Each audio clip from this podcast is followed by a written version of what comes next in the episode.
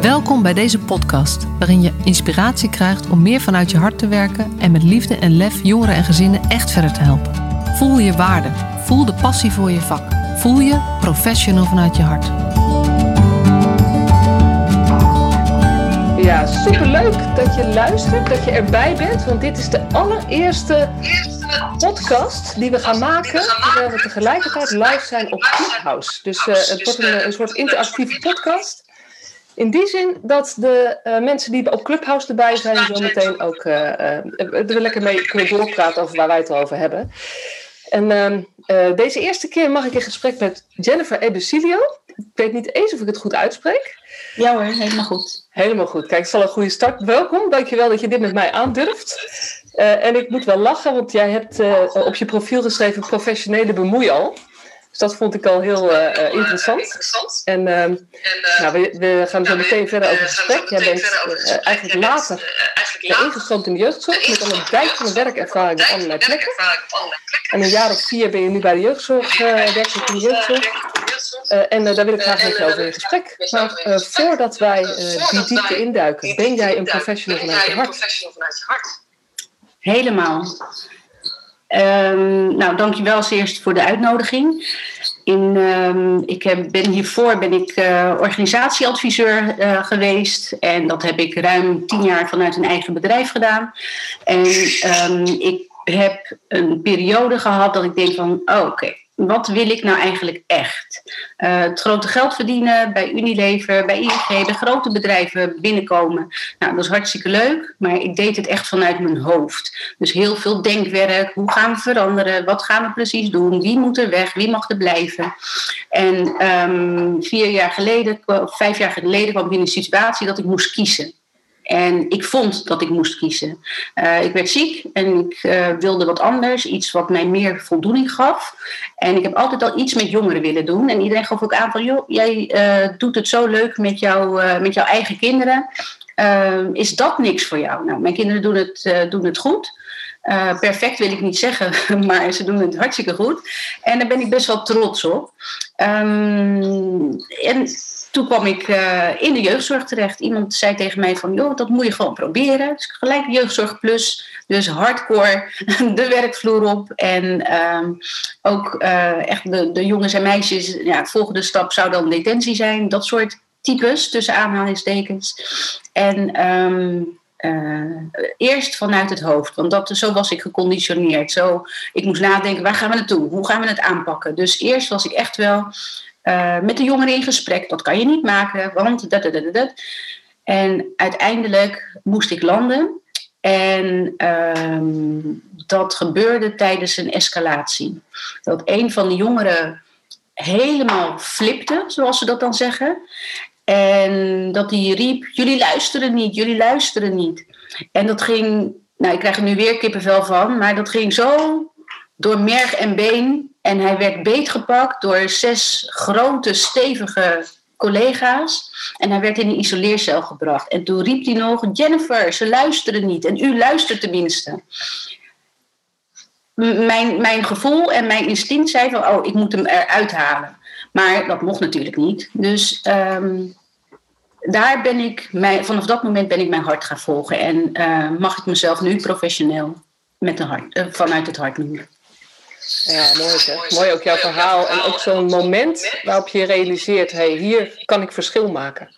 Ja. ja. Hier gaat het niet om de theorie, hier gaat het om gevoel. En hier gaat het om beleving en uh, ook een stuk erkenning naar de jongeren toe.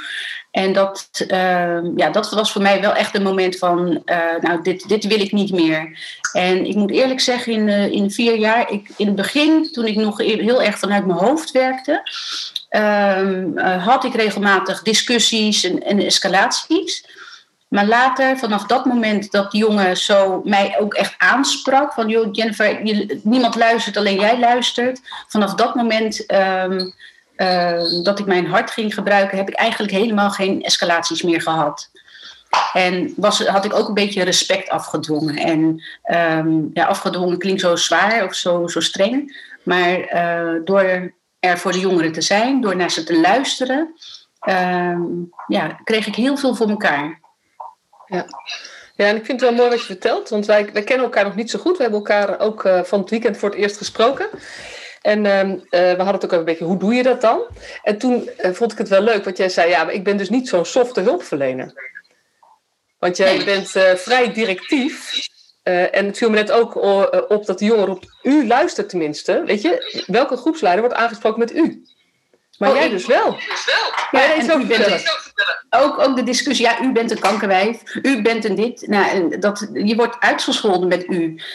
En ze weten ook dat als er iets is wat onterecht is. Of, uh, dat, ze, ze, kunnen alles bij me maken en breken. Ze kunnen alle kanten op, en, maar ook de verkeerde kant. En die verkeerde kant wilden ze nooit met mij op, omdat ze nooit wisten waar wat er dan zou gebeuren. En ik moet eerlijk zeggen, ik, zou, ik wist zelf ook niet precies wat ik dan zou doen. Want ik, ik riep het altijd maar van, nou, je kan met mij alle kanten op maar ook de verkeerde kant. En wat ik heel belangrijk vind is duidelijkheid. En uh, wat ik merk is dat uh, jongeren heel vaak niet die duidelijkheid kregen. Uh, je werkt aan een traject. Oké, wat houdt dat traject dan precies in? En hoe, uh, welke kant gaan we dan op? Dat was dan uh, heel vaag. En dan kon ik me ook voorstellen dat als een jongere dan een, een, OTS voor drie maanden verlengd had gekregen, dat hij dan ook wilde weten van wat gebeurt er dan in die drie maanden. En als ze na die drie maanden dan uh, plotseling toch verlengd werd met zes maanden, nou dan is dat oneerlijk. Dan ga je overal tegenaan trappen. Dus ik was heel duidelijk met ze van luister, de, de komende drie maanden uh, weet ik niet wat er gaat gebeuren en het hangt ook helemaal van jou af. Uh, doe jij niks in je eigen traject, wil jij niks veranderen in jouw eigen leven, dan gebeurt er ook niks en wordt dit verlengd. Vonden ze niet leuk om te horen, maar het was wel de realiteit. Ja. En uh, dat, daarin merkte ik wel dat, dat uh, ja, de realiteit gewoon echt voorspiegelen zoals het is, dat daar ook wel echt behoefte aan was. Ja. En niet zachter maken, ja, niet, zachter maken, niet mooier maken. En de verantwoordelijkheid leggen bij degene over wie het zelf gaat. Ja, en soms lag die verantwoordelijkheid niet per definitie bij de jongeren, maar bij de ouders. Nou, dan was het ook een mooi moment om de ouders aan te spreken. En uh, die, die, zaten er ook niet altijd op te wachten, want uh, ja, het was het kind wat onhandelbaar was. En uh, jullie moeten het kind aanpakken. Nou, dat, dat, was niet altijd, dat is niet altijd de situatie, want vaak ligt het ook aan ouders die te lief of te toegevelijk waren voor hun kinderen. Ik, ik weet nog dat ik op een groep werkte waarbij, ik kan geen namen noemen natuurlijk, maar uh, uh, de namen die in het gooi terecht, de, de Florisjes, de, de Gert Jans, de uh, Merels, de Fleurs, dat soort types, zaten daar. En hoe, hoe kwam dat? Pure verwennerij. Die kregen alles. Die liepen met de ugs als sloffen. Die liepen met, met een Balenciaga's alsof het gewoon uh, bij uh, Zeeman te koop was, bij wijze van spreken. Die waren zo verwend. En dan lag het niet meer aan het kind, maar dan lag het gewoon aan de ouders. En uh, dat durven hulpverleners soms ook niet te zeggen. Ja, ik zeg het wel. En soms ontstaat er een discussie over. Nou ja, goed, hartstikke leuk, dan hebben we het erover.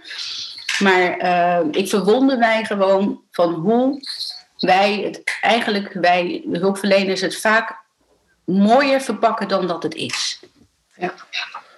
Ja, dat vind ik echt uh, een mooi thema ook. En dat herken ik ook wel met, met hoe ik, waar ik vaak zeg, we zijn een soort van aan het pamperen. We pamperen de jongeren door het allemaal makkelijker te praten en het klein beetje over te nemen, maar daarmee ook niet op te lossen. Uh, en we pamperen ook die ouders, want we willen eigenlijk niet gewoon zeggen waar het, wat we wel soms zien. Omdat we mensen niet willen kwetsen, niet willen kwijtraken. Maar daarmee kom je ook niet tot echte verbinding, die wel nodig is tot, om, om uh, verandering te bewerkstelligen. Ja, ja klopt. En ouders die boos worden op hulpverleners. Ja. Uh, waarom? Waarom gaan we niet de samenwerking aan om ervoor te zorgen dat jouw kind op het rechte pad blijft? Of dat het goed met jou, eh, jouw kind blijft gaan? Of dat uh, jullie als gezin weer één worden? Ja. En uh, dat, dat, dat verbaast me dan verbaasde me dan ook steeds. Ik kwam natuurlijk niet uit dat wereldje. Dus ik, uh, ik viel van de ene verbazing in de andere. Omdat ik dacht, hè, bestaat dit? Bestaat dit? Je, je hoorde vroeger wel kinderthuizen of wat dan ook. En nou, ik kwam in een huis terecht waar zes gesloten groepen waren. En al die groepen waren vol. En er was dan ook nog een wachtlijst. En uh, dan gingen we naar buiten met zo'n groep. En dan, dan gingen we, uh, hadden we een buitenmoment met een, op een pleintje met een hoog hek eromheen.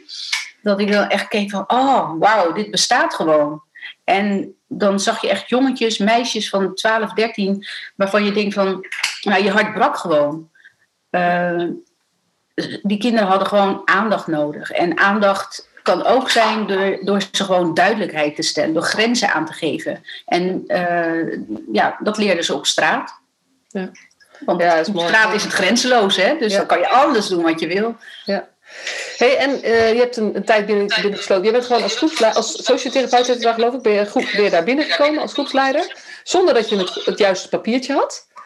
Nee, nee, nee, nee, nee. Of niet? Nee, dat is nee hoor. Ik, um, um, ik ben, heb uh, arbeid- en organisatiepsychologie gestudeerd. Dus ik deed heel veel in het bedrijfsleven op het gebied van uh, organisatieontwikkeling, fusies en dergelijke. En ik ben op de groep terechtgekomen en ik heb ervoor gekozen, want ze, ze gaat ook aan van, joh, zou je niet als teamleider willen beginnen? En ik dacht, ja, ben je gek? Ik, uh, dat kan ik wel. Maar ik spreek de taal niet. Ik weet niet waar ik een medewerker op aan moet sturen, omdat ik gewoon, ja, de, de, de managementervaring heb ik wel, maar niet de, de, de werkervaring. Dus ik heb ervoor gekozen om onderaan de ladder te beginnen. Ik ben gewoon begonnen als PM'er en uh, pedagogisch medewerker. En um, um, dat vond ik wel een hele goede leerschool in de afgelopen vier jaar. Uh, want ik heb echt wel dingen zien gebeuren van bovenaf. Dat ik denk, nee, nee, nee, nee, nee, dat, dat moet anders. Maar het was mijn plek niet. Dus dan kon je er weinig van zeggen. En de, de keren dat ik het probeerde, liep ik echt wel met mijn neus tegen de deur. Want uh, het, het manage, middenmanagement of hoger management, of hoe ze zichzelf ook willen noemen, die, uh, die luisteren gewoon totaal niet naar wat er op de werkvloer gebeurt. Ja, en dan verbaast het me niks dat er zoveel verloop is. Ja, bam, die doe je even een stelling, hè? Ja. Ze luisteren gewoon niet. En ik hoor een parallel proces met wat die jongen riep, wat voor jou zo'n zo markerend moment was. Ze luisteren niet. En ik, ik herken dat ook wel, dat parallele proces. Uh, ja. Hey, en um, inmiddels heb je een overstap gemaakt naar de jeugdbescherming. Nog niet zo lang geleden. Ja. Kan je zeggen waarom je daarvoor gekozen hebt? Uh, nou, ik zit eigenlijk deels in een leerproces. Dat ik denk van, nou, ik, ik uh, ik wil weten wat er allemaal leeft en speelt in de markt. Dus ik heb er inderdaad voor gekozen naar de jeugdbescherming te gaan. Want dan zie je het ook van de andere kant. En um, ja, is dit dan mijn eindstation? Nee. Maar zie ik mezelf hier, ga ik, ga ik morgen ontslag nemen? Nee, dat ook niet. Ik, heb, uh, ik ben wel bezig met, met dat, ik, dat ik voor mezelf wil beginnen. Een soort um, een platform voor, voor uh, alles wat leeft en speelt binnen de, binnen de jeugdhulp om effectieve hulp te bieden. Oh, je geluid valt uh, bij mij in ieder geval weg. Ja, ik werd gebeld. Nee. Ik werd gebeld, ja. sorry. Oh, dat was dus, het, ja. Om, om, effectieve hulp aan te gaan bieden. En dan, daarmee wil ik een combinatie maken met wat ik hiervoor deed. Een stukje organisatieadvies en mijn ervaring in de jeugdhulp. Dus uh, ik zit nu nog volop in het leerproces. Ik ben aan het afstuderen voor orthopedagogiek. Want dat, ik vond dan wel, dan moet ik me ook opleiden. Ik ben inmiddels ook SKJ geregistreerd. Dus ik heb niet stilgezeten in de afgelopen uh, vier jaar. Ik heb me op, uh, opgekomen klommen, om het even zo te zeggen. En uh, ja, nu ben ik inderdaad een professional die werkt vanuit het hart. En uh, die dan ook nog gekwalificeerd, straks met de juiste papier gekwalificeerd is. En um, ja, dat, dat is wel iets waar ik heel trots op ben. En waar, waarvoor ik echt uh, de maatschappij en de jongeren wil dienen. Want er gaat echt heel veel mis. Nou, de krantenkoppen staan er vol van. Uh, ik heb het boek uh, Kinderen van de Staat heb ik geloof ik in één weekend uitgelezen. Nou, en dat is een, best een dikke pil. En ik ben niet zo'n lezer. Uh, maar ik, daar, dat was zo treffend. En dat, het bedrijf waar ik werkte werd daar ook een aantal keren, meermalen in genoemd. Dus ik denk van oeh, dat, ja, het is gewoon heel schrijnend wat er gebeurt. de struisvogelpolitiek, de ego's die je tegenkomt. Ik, ik stoor me daaraan. Dus ja ik ga daar. Uh, dit is Jij mijn eerste optreden op dit, op dit uh, gebied, zeg maar. Maar uh, ik ga daar zeker wel aan, aan, aan rammelen. Ja. En um, weet je, als je het hebt over, over de cultuur binnen de jeugdzorg, je hebt er al een paar dingen over gezegd, maar dat is natuurlijk omdat jij met een dijk van ervaring en ook nog eens als arbeids- en organisatiepsycholoog, dus dit is ook je specialisme eigenlijk, om te zien wat voor processen spelen er, wat gebeurt er nou, hoe komt het dat het loopt zoals het loopt en wat zouden we anders kunnen doen zodat het beter wordt. Wat zie je nou gebeuren en waar denk jij waar de, waar de eerste winst te halen is? Ehm, de eerste winst uh, behalen we door te spreken met uh, de mensen waar het echt om gaat. De jongeren, de mensen die uh, zichzelf nu hebben uit de situatie hebben, hebben geworsteld, zeg maar. De ervaringsdeskundigen, daarnaar luisteren. Want de politiek praat, politiek heeft geld, maar politiek doet daar niks mee. En als we gaan kijken en luisteren naar wat er echt leeft en speelt dan uh, gaan we ook horen wat er veranderd moet worden. En dat gebeurt nu veel te weinig. Dus niet als professionals bedenken wat er veranderd moet worden, maar meteen doorspelen eigenlijk en de vraag stellen aan de mensen die het van binnenuit kennen, weten hoe het voelt, wat er gebeurt en hoe het is. Ja, precies. Ja. Oké, is er nog iets anders wat je opvalt in de cultuur van, uh, van onze prachtige sector? Want ik hou van de jeugdsector. En jij ook volgens mij, want anders zou je er niet zo, uh, zeg maar, ook denken, ja, hier wil ik echt iets voor betekenen. Ja, nog één keer je vraag. Wat, wat zijn nog meer dingen die je opvallen? Wat zijn nog meer dingen die je opvallen? Ja, iedereen denkt het beter te weten. En um, wat, wat ik wil is meer die verbinding. Dus wat ik net benoemde, samenwerken met de ouders, samenwerken met de hulpverlening en uh, vooral samenwerken met uh, het kind of de jongere of het gezin waar het om gaat. Ehm, waar staan we nu en waar willen we naartoe? En wat is daar dan voor nodig? Dus echt een dialoog aangaan en samen kijken wat. wat uh, en niet, niet heel directief opleggen wat, er, wat wij vinden dat er moet gebeuren. En, en hoe denk je dan dat het komt? Dat dat, want ik denk dat iedere hulpverlener dit vindt. Zeg maar. Als je dit en dit zou vragen, is er niemand die zegt. Nou, er zijn er wel een paar die zeggen nee, maar de meesten zeggen geen nee. Maar als je kijkt, weet je, hier hebben wij het natuurlijk eerder over gehad. Ik herken ook dat dat veel te weinig gebeurt. En dit is ook waarom ik doe wat ik doe. Maar als jij nou met jouw nou ja, kennis van organisaties. Kijk, hoe komt het dan dat we in terecht zijn gekomen in een cultuur, in een systeem die te weinig luistert? Uh, nou, ik heb het net al benoemd. Een beetje de ego misschien. Geld. Uh, ego. Uh, ouders willen het goed doen. Uh, krijgen eigenlijk te horen dat ze het niet goed gedaan hebben. Nou, dat doet wat met je. Want je, ik, kan me, ik kan me niet voorstellen dat er ouders zijn die, die ja, uitzonderingen daar gelaten natuurlijk, maar ik kan me niet voorstellen dat er ouders zijn die uh, zoiets hebben van, nou, ik ga mijn kind eens even, uh, ik heb een kind ter wereld gebracht en die ga ik eens flink uh, mishandelen of die ga ik eens flink verwaarlozen. En nogmaals, uitzonderingen daar gelaten, maar, maar, dan is er wat mis met die ouder. En dan moeten we het hebben over hulpverlening voor die ouder. En um, ego, uh, puur vanuit dat uh, sommige hulpverleners, ik heb, ik heb ook wel collega's gehad die zo hadden, nou, die dan vol oordeel zeg maar, naar een gezin keek. Van nou, dat, dat vind ik helemaal niet gek dat een kind hier zit, want nou, dat, dat oordeel, als we met z'n allen het oordeel loslaten en gaan kijken van hoe komt dit nou? Want alles heeft een oorzaak en alles komt, het komt ergens vandaan. Um, ja, meer luisteren naar elkaar. Dat vind ik denk ik het meest belangrijk. En het geld is er, maar het geld gaat de verkeerde kant op. Ja, nou echt heel mooi. Hey, het lijkt me een mooi, mooi moment om, uh, om uh, dit gesprek uh, zeg maar zo één op één te, af te ronden. Is er nog iets wat je zou willen toevoegen voor die podcast die we nu aan het maken zijn? En dan gaan we lekker de opname uitzetten en praten met de mensen die erbij zijn op Clubhouse. Nou, ik heb, ik heb natuurlijk al gezegd het samen doen. Dus ik vind het hartstikke mooi om te zien dat de mensen aangesloten zijn. Die hebben vast een, een, een, een link met dit onderwerp. En um, ja, ik ga graag in gesprek. Dus uh, nou goed, uh, ik ben makkelijk te bereiken. Uh, want zoveel Jennifer Ebesilio zijn er niet. En um, mijn, mijn quote van dit moment is eigenlijk dan... If you want to do it right, do it yourself. En dat is waar ik voor sta. En als we met elkaar dingen anders, anders willen doen... of dingen willen veranderen... dan moeten we het gewoon met elkaar doen. Ja. En ga niet te veel praten, maar vooral ook gewoon doen wat je merkt dat nodig zoek is. Zoek elkaar op. Ja, elkaar zoek elkaar op. Ja. Hey, hartstikke mooi, dankjewel. Um, ja, lieve mensen van de podcast, jullie gaan we nu hier uit. En um, uh, zorg ervoor dat je de volgende keer gewoon bij bent op Clubhouse. Dan kan je lekker meepraten. Dankjewel voor het luisteren en tot de volgende keer.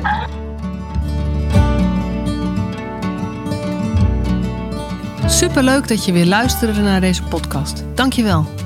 Nog even kort een paar belangrijke dingen. Ten eerste, het is mijn missie dat de jeugdhulp weer een sector wordt waarin bevlogen, liefdevolle professionals jongeren en gezinnen echt verder helpen. Daarom maak ik deze podcast voor jou. Wil jij deel uitmaken van deze beweging van Professional vanuit je hart, waarin professionals elkaar steeds opnieuw inspireren? Begin dan met het lezen van mijn boek.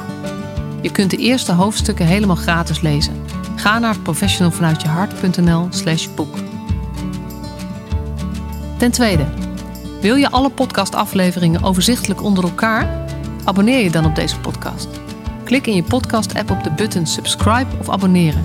En elke keer als er een nieuwe podcastaflevering gepubliceerd wordt, ontvang je automatisch een berichtje. Ten derde, ondersteun je mijn missie? Geef me dan een review via je podcast-app, bijvoorbeeld iTunes of Spotify. Op die manier kan ik nog meer professionals bereiken. En ken je een collega voor wie deze podcast ook interessant is? Dan zou het super zijn als je hem of haar de podcastaflevering doorstuurt. Bijvoorbeeld door de link te kopiëren via Spotify. Ik vind het altijd heel leuk om berichtjes te ontvangen van luisteraars. Om te horen wat je van een podcast vindt. Of als je misschien vragen of suggesties hebt. Of als een aflevering je een bepaald inzicht heeft gegeven of er iets in beweging is gekomen. Stuur me dan even een berichtje op masha.professionalvanuitjehart.nl via de website of stuur me een connectieverzoek op LinkedIn.